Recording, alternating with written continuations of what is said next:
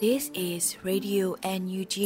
the voice of National Unity Government of Myanmar, broadcasting for Myanmar's Spring Revolution. Radio NUG is transmitting from shortwave 16 meter 17.79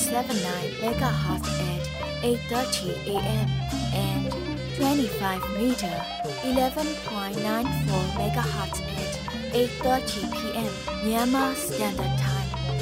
မင်္ဂလာပါရှင်။အမျိုးသားညီညွတ်ရေးအစိုးရရဲ့အတန်လွတ်ဌာန Radio NUG ကိုမန္တပိုင်း၈နိုင်ခွဲမှာလိုင်းတူ6မီတာ19.7 MHz နဲ့ညပိုင်း၈နိုင်ခွဲမှာလိုင်းတူ25မီတာ17.6 MHz တို့မှာဓာတ်ရိုက်ဖမ်းယူနားဆင်နိုင်ပါပြီရှင်။မင်္ဂလာအပေါင်းနဲ့ပြည့်စုံကြပါစေ။အခုချိန်ကစပြီး Radio NUG စီစဉ်လေးကိုဓာတ်ရိုက်အတန်လွှင့်ပေးနေပါပြီ။ မြန်မာနိုင်ငံသူနိုင်ငံသားအပေါင်းတဘာဝပြီးစစ်အာဏာရှင်ဘေးတို့ကနေကင်ဝေးပြီးဘေးကင်းလုံခြုံကျန်းမာကြပါစေလို့ရေဒီယို UNG ဖွဲ့သားများကဆုတောင်းမြတ်တာပို့သလိုက်ရပါတယ်ရှင်။ပထမဆုံးအနေနဲ့ကာကွယ်ရေးဝန်ကြီးဌာနရဲ့စီရေးသတင်းချင်းချုပ်ကိုຫນွေဦးမောင်မှတင်ပြပေးမှာဖြစ်ပါတယ်ရှင်။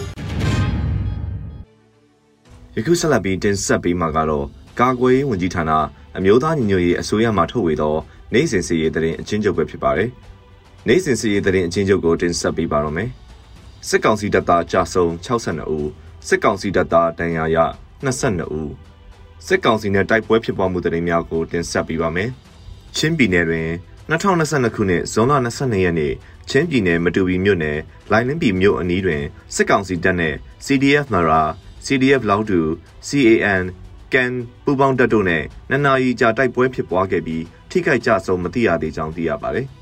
စကိုင်းတိုင်းတွင်2022ခုနှစ်ဇွန်လ22ရက်နေ့စကိုင်းတိုင်းစလင်းကြီးမြို့နယ်စစ်ကောင်စီလက်အောက်ခံရဲ20ခန်းရှိသည့်မြို့မရဲစခန်းကိုတွေ့ရတင်ကြိုင်ဒေါမဆိုင်ပျောက်ကြားတပ်ဖွဲ့တက်ခွဲနှစ်နဲ့တက်ခွဲလေးတို့မှ120မမလက်နက်ကြီးဖြင့်ပစ်ခတ်တိုက်ခိုက်ခဲ့ရာ စစ်ကောင်စီလက်အောက်ခံရဲ9ဦးထပ်မံနဲ့တေဆုံးသွားခဲ့ကြောင်းသိရပါတယ်။2022ခုနှစ်ဇွန်လ24ရက်နေ့စကိုင်းတိုင်းမော်လိုက်မြို့နယ်ဝဲကတာကျေးရွာနဲ့လက်ပံကျေးရွာအနီးချင်းတွင်းမြစ်ကြောင်း၌ဖောင်းပြင်မြို့နယ်စစ်ကောင်စီထောက်ပို့မော်တော်ယာဉ်အစံအားမော်လိုက် KN PDF တရင်မော်လိုက်မြို့နယ်ပကဖတို့မှစနိုက်ပါမိုင်းတဲမမတို့ဖြင့်ပြစ်ခတ်တိုက်ခိုက်ခဲ့ရာမော်တော်ယာဉ်ဆက်မောင်းပဲ့ကင်ပါဝင်စစ်ကောင်စီတပ်သားအများအပြားအားထိမှန်သည့်အပြင်မော်တော်ယာဉ်သည်မောင်းမရသဖြင့်ဝဲတောင်ကျေးရွာ၌စိုက်ခတ်ခဲ့ရပြီးဒဏ်ရာရစစ်ကောင်စီတပ်သားတေဆုံးစစ်ကောင်စီတပ်သားများကိုမော်တော်ယာဉ်ငယ်ဖြင့်တည်ဆောင်သွားခဲ့ကြောင်းသိရသည်2022ခုနှစ်ဇွန်လ23ရက်နေ့စကိုင်းတိုင်းတမူးမြို့နယ်ခမ်းပတ်မြို့မှစစ်ကောင်စီကား9စီးဖြင့်အင်အားတရာကျော်ပါဝင်သည့် ခြေလင်းချီတက်လာသောစစ်ကောင်စီများသည်ထန်းစင်ရွာမှအရက်သားပြည်သူများ၏ကားများကိုလူယူခြင်းပြည်သူများအားဖမ်းဆီးပြီးလူသားတိုင်းအဖြစ်အသုံးချကာချီတက်ခဲ့ကြပြီးအဆိုပါစစ်ကောင်စီကားများမိုင်းကွင်းထဲသို့ရောက်သည့်အခါတမုတ် PDF တန်ရင်သုံးမှမိုင်းဆွဲတိုက်ခိုက်ခဲ့ရာတွင်ကားနစီထိမှန်သွားခဲ့ပြီးစစ်ကောင်စီတပ်သား15ဦးသေဆုံးသွားခဲ့ကစစ်ကောင်စီတပ်သားများသည်လမ်းဘေးဝဲရများသို့လက်နက်ကြီးလက်နက်ငယ်များဖြင့်ရန်တမ်းပစ်ခတ်ခဲ့တော်လဲကာကွယ်ရေးတပ်ဖွဲ့များထိခိုက်မှုမရှိပြန်လည်ဆုတ်ခွာနိုင်ခဲ့ကြောင်းသိရပါတယ်။ 2022ခုနှစ်ဇွန်လ23ရက်နေ့စကိုင်းတိုင်းတမူးမြို့နယ်ဝီတုတ်ကျေးရွာနဲ့ရန်လင်းဖိုင်ကျေးရွာကြား၌စစ်ကောင်စီတပ်သားများနဲ့တမူး KN PDF တပ်ရင်း3တို့ထိတွေ့တိုက်ပွဲဖြစ်ပွားခဲ့ကြောင်းနဲ့ထိခိုက်ကြဆုံးမှုစရင်မသိရသေးကြောင်းသိရပါတယ်။2022ခုနှစ်ဇွန်လ21ရက်နေ့စကိုင်းတိုင်းစကိုင်းမြို့နယ်အုံတော်ကျေးရွာမှာစားတောင်မြို့ဘက်သို့မောင်းနှင်လာသောစစ်ကောင်စီမိုးကအုပ်12ဘိန်းကားအဖြူသစည်းသည်စစ်ကောင်စီတပ်သားများကိုတင်ဆောင်မောင်းနှင်လာခြင်းတတ်မှတ်အချိန်ကျော်လွန်၍မောင်းနှင်လာခြင်းကြောင့်စကိုင်းခရိုင်တန်ရင်1 မိုးကြိုးပြည်သူ့ကာကွယ်ရေးတပ်ဖွဲ့တို့ကမိုင်းဆွဲတိုက်ခိုက်ခဲ့ရာ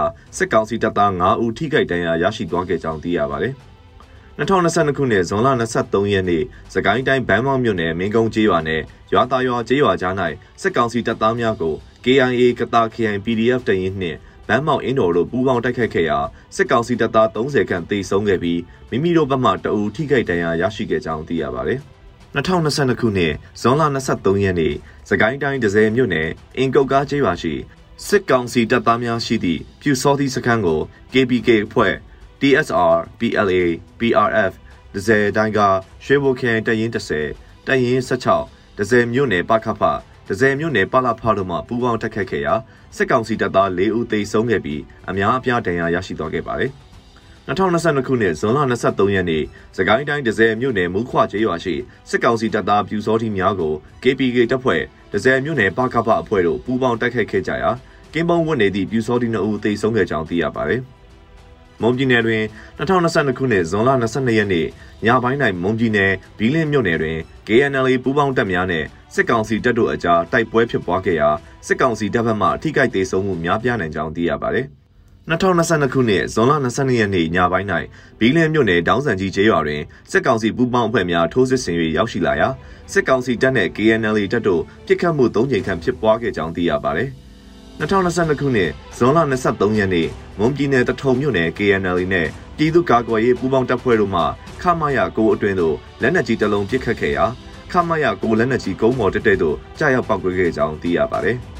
2022ခုနှစ်ဇွန်လ24ရက်နေ့မွန်ပြည်နယ်တထုံမြို့နယ်ဝီယော်တရားထိပ်တွင်စစ်ကောင်စီတပ်သားများတိုက်မိုင်းထိ၍၄ဦးထိခိုက်ဒဏ်ရာရရှိသွားခဲ့ကြောင်းသိရပါတယ်။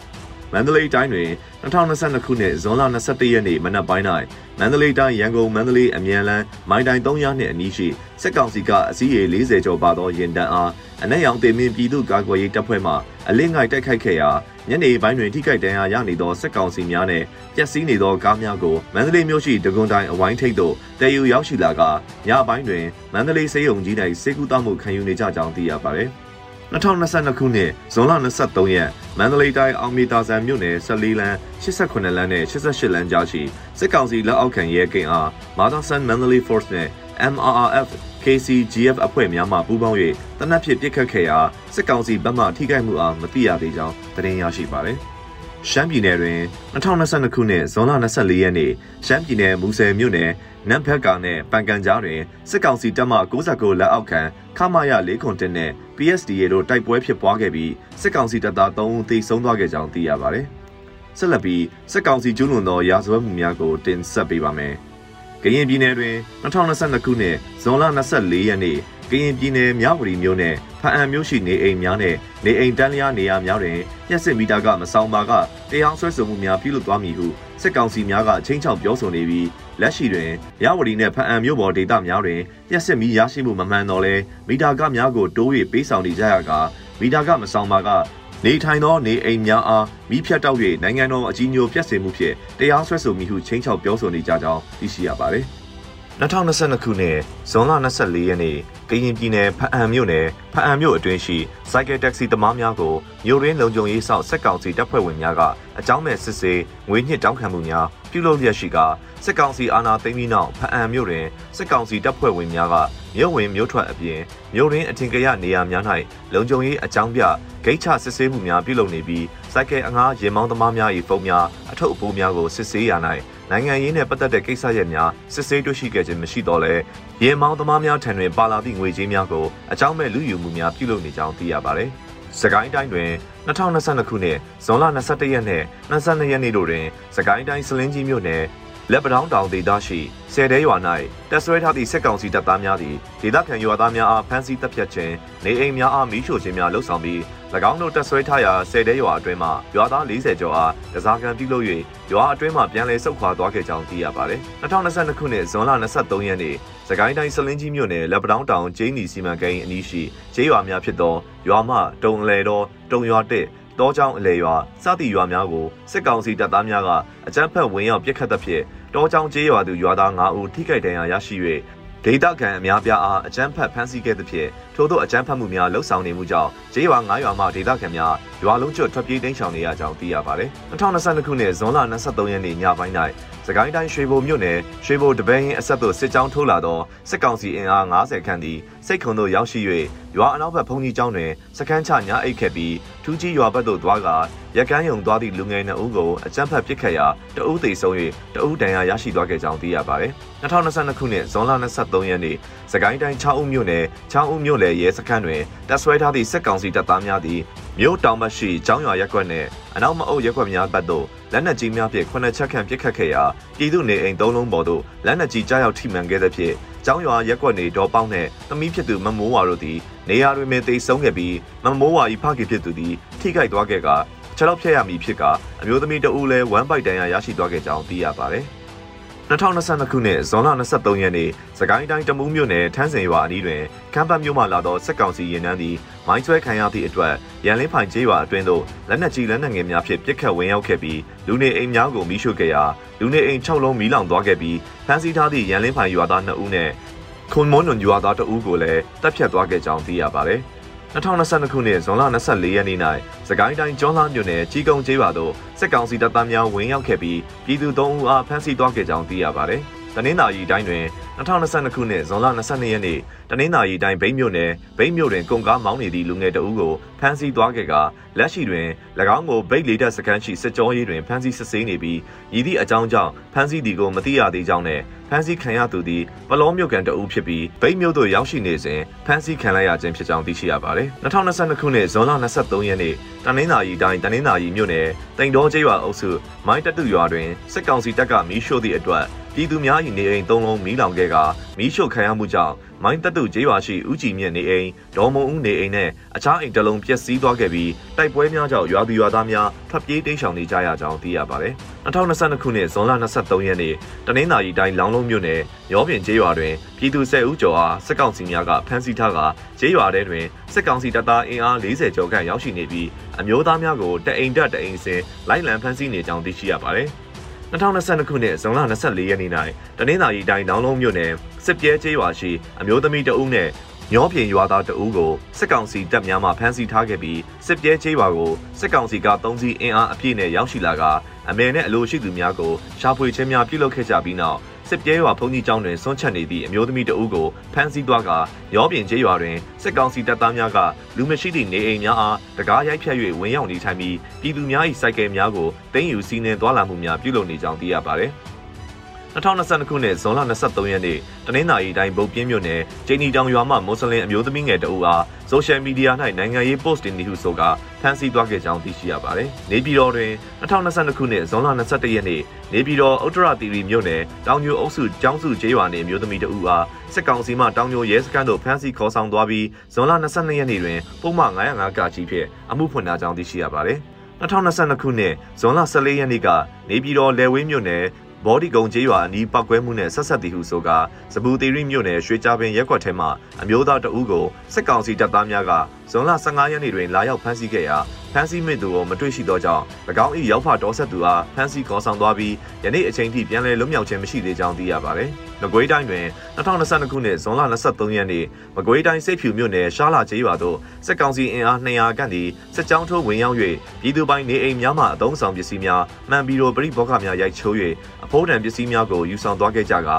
ရှားလာရွာနီးနားရှိကဲမရွာသို့ဆက်လက်စစ်ကြောင်းထိုးပြီးစစ်ဘေးရှောင်ပြည်သူများထံမှရွေတဲ့ပစ္စည်းများနဲ့ငွေသားများလူရက်သွားကြကြောင်းသိရှိရပါတယ်။မန္တလေးတိုင်းတွင်2022ခုနှစ်ဇွန်လ24ရက်နေ့မနက်ပိုင်း၌မန္တလေးတိုင်းငန်းစုံမြို့နယ်စီကောင်းရွာမှ NLD ရက်ကျေးဥက္ကဋ္ဌအပါအဝင်ကျောင်းဆရာမ2ဦးအားစစ်ကောင်စီများကဖမ်းဆီးသွားခဲ့ပြီးထို့နောက် ပြည်သူနေအိမ်သုံးလုံးကိုလည်းရှားပွေမွေနောက်ခဲ့ကြကညနေပိုင်းတွင်ကျောင်းဆရာမ2ဦးကစစ်ကောင်စီများကပြန်လည်လွှတ်ပေးခဲ့ကြောင်းသိရပါတယ်။ရန်ကုန်တိုင်းတွင်2022ခုနှစ်ဇွန်လ24ရက်နေ့ရန်ကုန်တိုင်းတာမွေမြို့နယ်နဲ့အခြားမြို့နယ်များတွင်စစ်ကောင်စီလက်အောက်ခံအဖွဲ့အစည်းများမှအဲစင်းစစ်ဆေးမှုများပြုလုပ်နေပြီးအဲစင်းမတိုင်မာကတပ်ဆိုင်ရာရက်ွက်ရုံးများသို့ခေါ်၍တအုပ်လျင်ဒဏ်ချင်းငွေ1000ကျပ်အထိ ပေးဆောင်ခိုင်းပြီးအစင်မပြေလျင်ဖမ်းဆီးချုပ်နှံမှုများပြုလုပ်လျက်ရှိကြောင်းသိရပါတယ်။2022ခုနှစ်ဇွန်လ24ရက်နေ့ရန်ကုန်တိုင်းပစွန်တောင်မြို့နယ်9ရပ်ကွက်မဟာတုခလန်အိမ်အမှတ်19မှာလူငယ်တအုပ်ကိုအရက်ဝတ်များဖြင့်စစ်ကောင်စီအဖွဲ့ဝင်များကဖမ်းဆီးသွားခဲ့ကြောင်းသိရှိရပါတယ်။ရခိုင်ပြည်နယ်တွင်2022ခုနှစ်ဇွန်လ23ရက်နေ့ရခိုင်ပြည်နယ်စစ်တွေမြို့နယ်မင်းကန်ရပ်ကွက်တွင်စစ်ကောင်စီဘက်မှချင်းချောက်တနက်ပစ်ခတ်မှုများပြုလုပ်ခဲ့ပြီးစစ်တွေမြို့ရှိကုံတန်းရပ်ကွက်ယူပတောင်ရပ်ကွက်ရွာကြီးမြောက်ရပ်ကွက် အနောက်စံပြရက်ကွက်များ၌စစ်ကောင်စီနှင့်ရဲတပ်ဖွဲ့ဝင်များကအဲစင်းစစ်ဆေးမှုများနဲ့လမ်းသွားလမ်းလာများကိုတင်းတင်းကြပ်ကြပ်စစ်ဆေးခဲ့ပြီးဒေသခံများဖမ်းဆီးနေရကြောင်းသိရပါတယ်။အေယာဝတီတိုင်းတွင်2022ခုနှစ်ဇွန်လ21ရက်နေ့အေယာဝတီတိုင်းဖျာပုံမြို့နယ်ဖျာပုံမြို့16ရပ်ကွက်မာကလန်းနဲ့မဒုံမာလန်းတွင်နေထိုင်သည့်ဒေသခံပြည်သူ9ဦးအား စစ်ကောင်စီတပ်မှဝင်ရောက်ဖမ်းဆီးသွားခဲ့ပြီးအဆိုပါဖမ်းဆီးခံရသူများမှာဒေါ်လန်ရေးနဲ့ပါဝင်ပတ်သက်ခြင်းမရှိသူများဟုသိရကရည်သည့်အတွက်ကြောင့်ဖမ်းဆီးသည်ကိုမသိရှိရသေးကြောင်းသတင်းရရှိပါသည်။2022ခုနှစ်ဇွန်လ23ရက်နေ့အေယာဝတီတိုင်းပသိမ်မြို့နယ်ပသိမ်အချင်းထောင်တွင်ထောင်ဝင်စာလက်ခံသည့်ထောင်ဝန်ထမ်းအရာရှိဒေါ်ဤမင်းခိုင်သည်နိုင်ငံရေးအကျဉ်းသမားများအားထောင်ဝင်စာလာပို့ချိန်၌ချင်းချောက်ပြောဆိုခြင်းကျန်းနက်စွာချိန်မောင်ပြောဆိုခြင်းများပြုလုပ်နေခြင်းကြောင့်နိုင်ငံရေးအကျဉ်းသားများ၏မိသားစုဝင်များအခက်တွေ့နေရကြောင်းသိရှိရပါသည်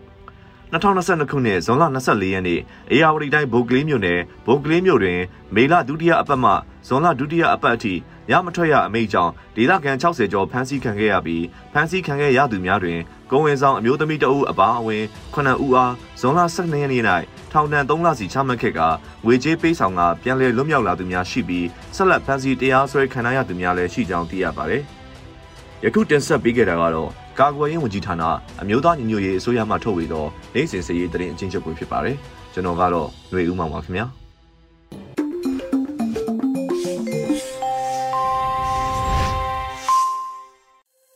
ဆက်လက်ပြီး Radio UNG ရဲ့နောက်ဆုံးရသတင်းများကိုຫນွေဦးမိုင်မှဖတ်ကြားတင်ပြပေးပါမယ်ရှင်။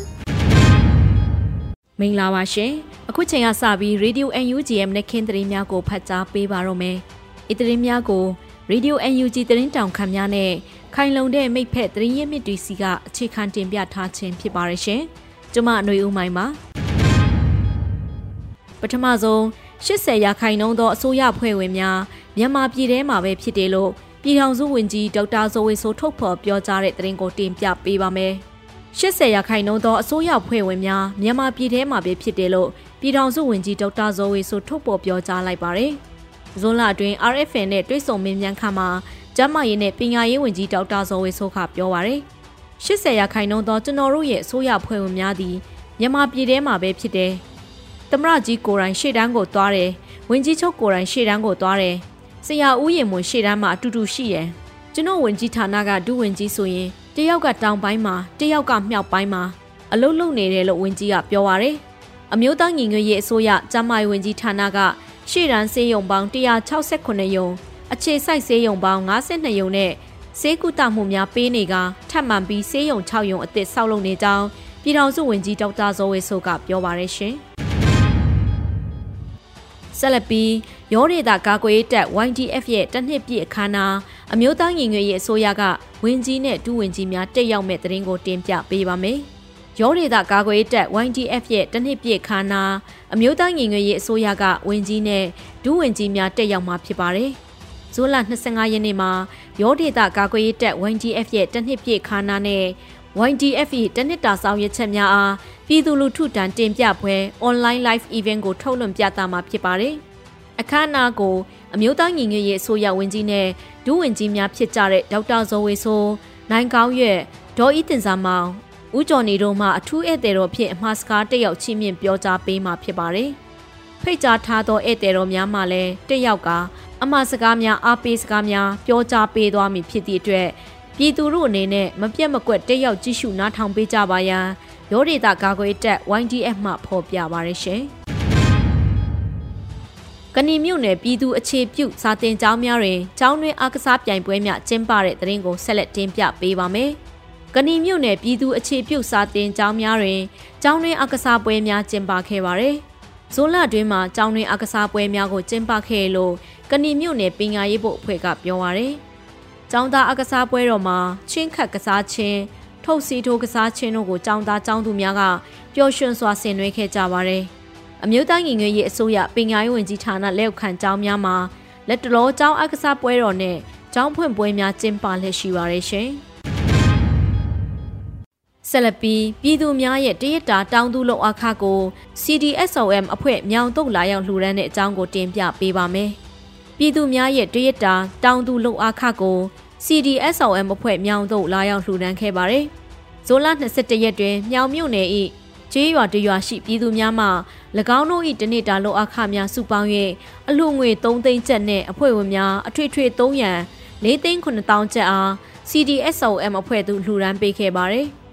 ယခုကဲ့သို့မြောင်နယ်မှပြည်သူများသည်ဒုက္ခမျိုးစုံကြားမှနေပြီးတနေ့လုံးမှတနေ့ဝမ်းစာဆင်ပြေတဲ့နွမ်းပါပြည်သူများဖြစ်ကြတော့လဲ၎င်းတို့ရဲ့တနစ်တာလို့အခ3000တာရရှိသောဝင်ငွေကိုတော်လှန်ရေးမှာတတက်တအားအနေဖြင့်စုပေါင်းပါဝင်ခြင်းကိုကြည်ချင်းဖြင့်ပြည်သူများအနေဖြင့်ဖက်စစ်အာဏာရှင်ကိုမိမြရွံမုံနေသည်ဆိုသည်မှာအတိုင်းသားပေါ်လွင်နေပြီဖြစ်တယ်လို့မြောင်မြို့နယ်ပြည်သူ့ကာကွယ်ရေးနဲ့လုံခြုံရေးအဖွဲ့ CDSOM ကဆိုပါတယ်။ မြောင်မြို့နယ်ပြည်သူ့ကာကွယ်ရေးနဲ့လုံခြုံရေးအဖွဲ့ CDSOM သည်စစ်အာဏာရှင်အမြင့်ပြည့်ရေးခုခံတော်လှန်လှည့်ရှိပါတယ်ရှင်။ဆက်လက်ပြီးချောင်းဦးမြို့တွင်တက်ဆွဲထားသောအကြမ်းဖက်စစ်ကောင်စီတပ်ကလက်နက်ကြီးဖြင့်ရန်တမ်းပစ်ခတ်မှုကြောင့်နန်း CDN ဝန်ထမ်းသားအမိနှုတ်ထိမှန်သေးဆုံးတဲ့တဲ့ရင်ကိုတင်ပြပေးပါမယ်။ချောင်းဦးမြို့တွင်တက်ဆွဲထားသောအကြမ်းဖက်စစ်ကောင်စီတပ်ကလက်နက်ကြီးဖြင့်ရန်တမ်းပစ်ခတ်မှုကြောင့်နန်း CDM ဝန်ထမ်းသားအမိ2ဦးထိမှန်သေးဆုံးခဲ့ပါတယ်။ ဇွန်လ23ရက်ည9:00နာရီချိန်ခန့်တွင်လက်နက်ကြီးဖြင့်ရန်တမ်းပစ်ခတ်မှုကြောင့်နန်း CDM ဝန်ထမ်းသားမိ2ဦးလက်နက်ကြီးထိမှန်သေးဆုံးကပြည်သူ၄ဦးဒဏ်ရာရရှိခဲ့ကြောင်း6ဦးတော်လှန်ရေးအင်အားစုကထုတ်ပြန်ပါတယ်။အကြမ်းဖက်စစ်ကောင်စီတပ်များသာ6ဦးမြို့ပေါ်ရှိရက်ွက်များစီတို့လက်နက်ကြီးများဖြင့်ခုနှစ်ချက်ခန့်ပစ်ခတ်ခဲ့ပြီးတမာမြန်ရက်ွက်ကျောင်းရွာရက်ရှိနေအိမ်တစ်လုံး၏နွားစာတိုက်ပေါ်သို့တစ်လုံးတမာမြန်ရက်ွက်အနောက်မအုပ်ရက်ရှိ နေအိမ်များအနီးသို့နှလုံးကျရောက်ပောက်ကွဲခဲ့ခြင်းဖြစ်ပါတယ်။ကျောင်းရွာရက်ွက်သို့ကျရောက်ပောက်ကွဲသောလက်နက်ကြီးကြောင့်အသက်50နှစ်အရွယ်ရှိဒေါ်ထထားနွေခေါ်ဒေါ်ပေါက်နဲ့၎င်း၏သမီးဖြစ်သူအသက်24နှစ်အရွယ်ရှိနန်း CDM စီပင်သားရဝန်ထမ်းတို့တေဆုံးခဲ့ခြင်းဖြစ်ပါတယ်။အနောက်မအုပ်ရက်ွက်ရှိနေအိမ်များအနီးကြားရောက်ပောက်ကွဲခဲ့သောလက်နက်ကြီးကြီးနှလုံးကြောင့်နေအိမ်6အိမ်ထိမှန်ခဲ့ပြီး1 byte ပွင့်ထွက်တရားရရှိသူတဦးအပါအဝင်အပြစ်မဲ့ပြည်သူ3ဦးထိခိုက်ဒဏ်ရာရရှိခဲ့ပါတယ်။ ထိခိုက်ဒဏ်ရာရရှိသူများကိုအကြမ်းဖက်စစ်ကောင်စီတပ်များကအနောက်မြောက်တိုင်းစစ်ဌာနချုပ်နာမခတ်တော့ခေါ်ဆောင်သွားခဲ့ပြီးတေဆုံးသူသားအမိနှုတ်ကိုဇွန်လ24ရက်နေ့လယ်2နာရီအချိန်တွင်တကြိုခဲ့ပါတယ်။အကြမ်းဖက်စစ်ကောင်စီဖက်ကမုံဇွန်လ23ရက်ညပိုင်းတွင်ပြည်သူ့ကာကွယ်တပ်များကချောင်းဦးမြို့တမမြန်ရက်ကိုလက်လုံစိန်ပြောင်းဖြင့်ပစ်ခတ်သောကြောင့်ပြည်သူ2ဦးသေဆုံးပြီး4ဦးဒဏ်ရာရရှိကြောင်းလိမ့်လည်ထုတ်ပြန်ထားပါတယ်ရှင်။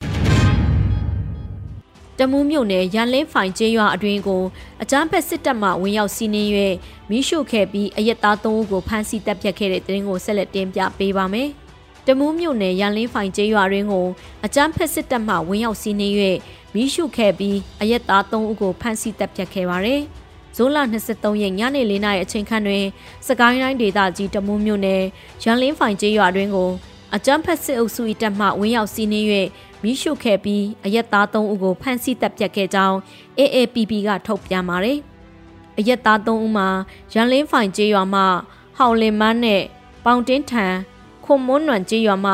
စေးခိုထန်းတို့ဖြစ်ပါတယ်။ဟောင်လင်မန်းနဲ့ပေါင်တင်းထန်တို့ဟာကျေးရွာတွင်တနက်တန်များကြားသောကြောင့်စာတင်ကျောင်းတွင်ပုံအောင်နေစဉ်ဖမ်းဆီးခံခဲ့ရခြင်းဖြစ်ပြီးစေးခိုထန်းသည်နေအိမ်၌ဖမ်းဆီးခံခဲ့ရခြင်းဖြစ်ပါတယ်။ နှွေဦးတော်လိုင်းကာလတွင်ကြဆုံခဲ့ရသူစုစုပေါင်းမှာ2021ဦးရှိခဲ့ပြီးဖြစ်ပါတယ်ရှင်။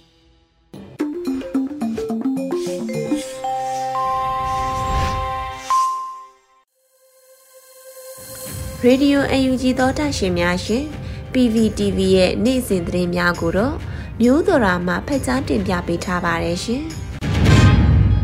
ပထမဆုံးတင်ဆက်ပေးမှာကတော့တော်လိုင်းရေးရန်ပုံငွေရရှိရေးရန်ပုံငွေရှာဖွေမှုအဖြစ် အမေစုဝတ်စုံအင်ဂျီနဲ့ရိုးရလုံကြီးအတွက်မဲလက်မှတ်များစတင်ရောင်းချနေပြီဆိုတဲ့သတင်းပါ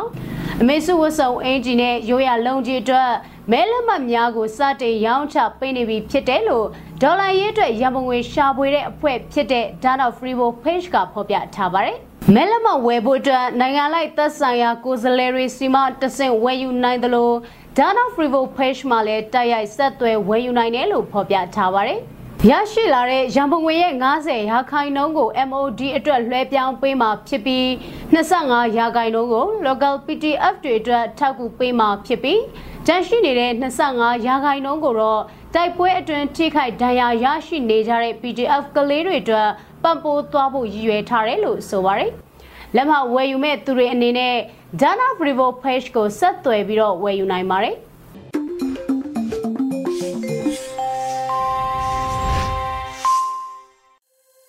အခုဆက်လက်ပြီးတိုင်းသားဘာသာစကားအစီအစဉ်အနေနဲ့ချိုးချင်းဘာသာစကားခွဲတစ်ခုဖြစ်တဲ့ဒိုင်းဘာသာစကားဖြင့်သတင်းထုတ်လွှင့်မှုအစီအစဉ်ကို တင်ဆက်ပေးမှာဖြစ်ပါတယ်။ဒီအစီအစဉ်ကို Radio UNG နဲ့ချိုးချင်းဘာသာစကားထုတ်လွှင့်မှုအစီအစဉ်အဖွဲ့တို့ပူးပေါင်းထုတ်လွှင့်တာဖြစ်ပါတယ်ရှင်။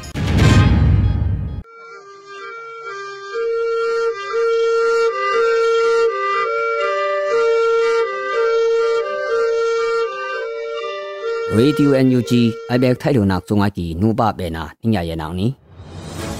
တုံဝိုင်ခခုံထောင်ကနုံကိုယံဟိဘုခာအမ်နှုံကိုယံဟာခွမ်စမတုံဟုံယကာထငေညစုံငိုင်လောက်ခိုင်ကကီနီအခစကာထငါလူညငိုင်မှာကမူ PDF ဖုန်တုပေါ်စုံနောအပူတယင်အဖုဖုအာတုပိုအိခေါနောကကီတီလူ NUG နောအပန်တျာထံခန့်ဟိနာကာစစပူနောတုအနိစုမနာကုံနောနာအင်ခူ ต้องกนุงทอกอถอยมียงอันนี้สิโอเดียทังอักทุมนากาเอ็นยูจูเพตินักยางวยฟินลงสันนะเดิมลือบีลอไวยากากีเดียทังตุงนากงสุมมังไวอาคาตูลืออเมริกันดอลลาร์ตันหาทุกีเดียทัง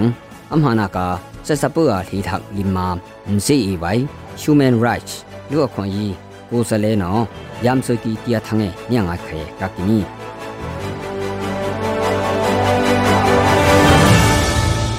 PDF တူပအဖူဖူနော်ငတုံနတုန်အီလူငရန်ဟောင်ကီတီလူ NUG ပွိုင်နော်သံအပရာကကီနီတုပတုန်အီခါကောအမုံ PDF တူပအဲယာ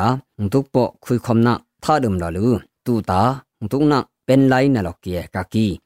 ဘရုခိနလူတုံနာကုခုလူအပူမတိုင်ရင်ဖူဖူနော်တုပလူရန်ဟောင်ကီတီလူ NUG နော်အပနာကကီ PDF ပူတွန်အီလောဆွန်ဟကုမ်ထောင်းကနုံကူယမတ်နှုခါအမ်နမ်ဟာကာကီတူဟီတုပအပုမတယင်ဖန်ဟီကနုံမကိဗျခုလောလူဒုန်ဟေအဖုဖုံဖန်ဟီကနုံမကိဘန်ဟုံကျကာကီနီဆက်စပူနောတုအနိဆုမ်အီနက်ဟနာအင်ဘုံတောင်းအကနုံထောကောမေယုံအနိစီဦးတီလူဘုခါကူယမတ်ဟုံပုံအန်ယူဂျီနောထငုံအကပရာဟွာကာကီနီမေယုံအနိယမ်ခိနာ စိတ်စိတ်ဟန်တာစကန်ယာမကွေခွာကကီနှုခါအုံဒငဟိနုံမေယုံအနိယာစီအင်ခုထောက်ခုထိလောက်ကယာကကီနီအနိအမ်လိုစန်တလူဒုံဖန်အကီယာကူအေခေါ်ဝယာအန်ယူဂျီယာပက်ဆေယံယာကူတီကင်အွန်ဦးလူတွန်အေကေကကီနီအန်ယူဂျီဖေးတီနာကီငွေဟွန်းလုံဆန်နက်ဆွန်ခေါင်ပေနဟန်နကတုံလမ်ထဲမာဒုံလောက်ကီယာဘီလောဝိုင်တီလူနှုခါမကူ yak thum thobung NUG ဖေနောทางอักปราหัวกากินี NUG ဖေဇွန်ဆက်စပူဒါကုံပကီမယမတ်ငွေဖွန်းလုံစာနုံဆုမန်ဝိုင်နုံရနာကာကီတုစမ်နာကာ pilot project တွန်အယာကာကီအဆုနာစမ်နာကုံ agent ထောငတ် NUG ဖေ wallet တောငတ်ပကီယာကာကီနီဒုံနာကုံဆုမန်ဝိုင်အခါတူလူအမေရိကန်ဒေါ်လာတန်ဟာထုကီအဆွန်အန်ကုမ်ခေါ်ဝယာအမ်ယုကုမာ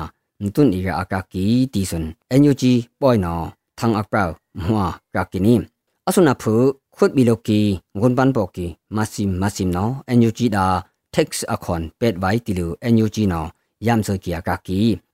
กูตลากียาเจสปูนออานาอันยาหูเออสุนาเทียอันนี้กูกับขอคำยาย่อยนากงดอลา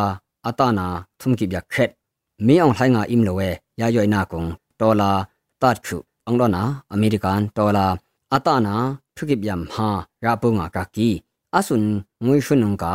ก็กิบยามฮันุจุนงตุงนาคงสุมอินีติลูเอ็นยูจีโนอเปนากากินิเซซาปูโน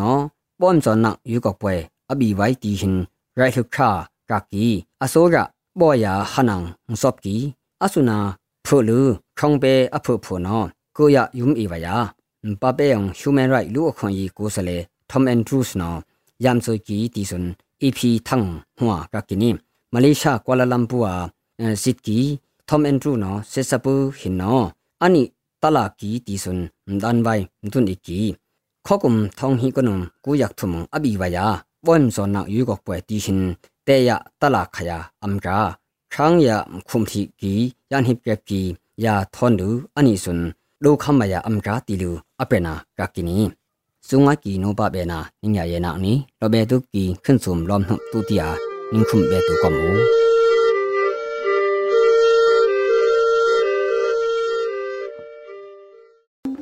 ဒီကနေ့ကတော့ဒီညနေပဲ Radio NUG ရဲ့အစီအစဉ်လေးကိုခေတ္တရ延လိုက်ပါမယ်ရှင်မြန်မာစံတော်ချိန်မနေ့၈နိုင်ခွဲနဲ့ည၈နိုင်ခွဲအချိန်တွေမှာပြောင်းလဲဆိုပြကြပါလို့ရှင် Radio NUG ကို မနက်ပိုင်း၈နိုင်ခွဲမှာလိုင်းတူ16မီတာ19.7မဂါဟတ်နဲ့ညပိုင်း၈နိုင်ခွဲမှာလိုင်းတူ25မီတာ17.6 MHz တို့မှာဓာတ်ရိုက်ဖမ်းယူနားဆင်နိုင်ပါပြီရှင်။မြန်မာနိုင်ငံသူနိုင်ငံသားများကိုစိတ်နှဖျားစမ်းမချမ်းသာလို့ဘေးကင်းလုံခြုံကြပါစေလို့ Radio NUG ရဲ့ဖွဲ့သူဖွဲ့သားများကဆုတောင်းလိုက်ရပါတယ်။ San Francisco Bay Area အခြေဆိုင်မြန်မာမိသားစုများနဲ့